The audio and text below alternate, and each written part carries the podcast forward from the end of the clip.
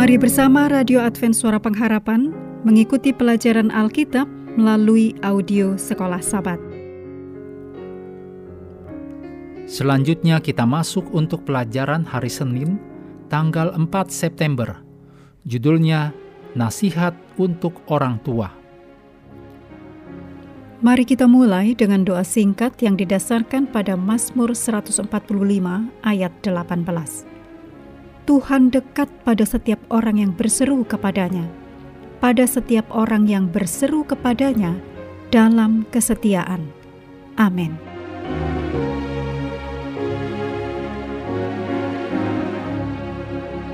Efesus 6 ayat 4 dan Kolose 3 ayat 21 berisi agar menghindari menyakiti hati anak.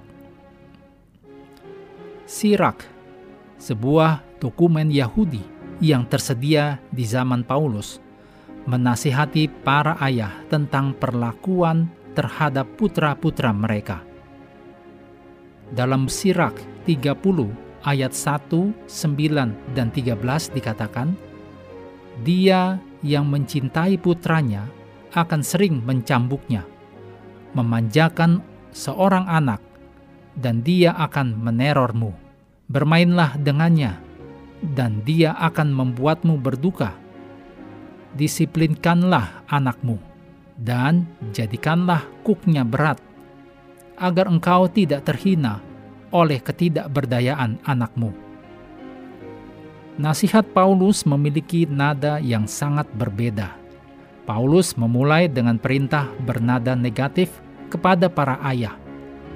Dalam Efesus 6 ayat 4 dikatakan, Jangan bangkitkan amarah di dalam hati anak-anakmu. Diikuti dengan perintah positif, didiklah mereka di dalam ajaran dan nasihat Tuhan.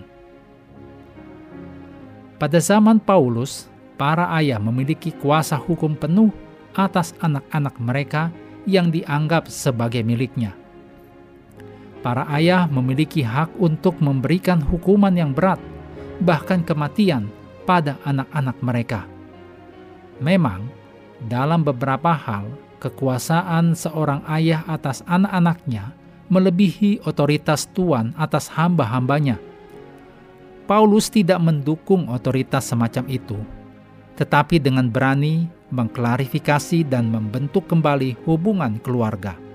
Dalam konteks kesetiaan tertinggi kepada Kristus, Paulus mengundang para ayah Kristen untuk memikirkan kembali penggunaan kuasa mereka, karena anak-anak yang terpancing amarahnya tidak akan berada pada posisi yang baik untuk menerima ajaran dan nasihat Tuhan. Demikian ditulis dalam Efesus 6 ayat 4. Kutipan dari Ellen G. White, Membina Anak yang Bertanggung Jawab, halaman 275. Para bapa dan ibu, di dalam rumah tangga, engkau harus menampilkan pembawaan Allah. Engkau harus menuntut penurutan, bukan dengan menghujaninya dengan kata-kata, melainkan dengan cara yang penuh kasih dan kemurahan hati Jadilah menyenangkan di dalam rumah tangga. Kekanglah setiap kata yang dapat membangkitkan kemarahan yang tidak suci. Bapak-bapak, janganlah bangkitkan amarah di dalam hati anak-anakmu adalah satu nasihat ilahi. Tidak ada izin diberikan di dalam firman Allah bagi orang tua untuk bertindak kejam dan menekan atau pelanggaran anak-anak terhadap orang tua, hukum Allah di dalam kehidupan rumah tangga, dan di dalam pemerintahan bangsa-bangsa, keluar dari satu hati yang penuh dengan kasih yang tidak terhingga. Meskipun konteks pelajaran di sini berkaitan dengan orang tua dan anak-anak, kita tetap dapat mengambil prinsip-prinsip dari ayat-ayat ini yang berdampak pada hubungan kita dengan orang lain.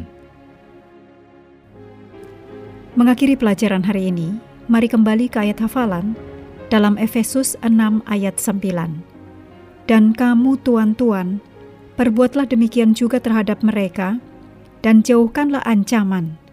Ingatlah bahwa Tuhan mereka dan Tuhan kamu ada di sorga, dan ia tidak memandang muka.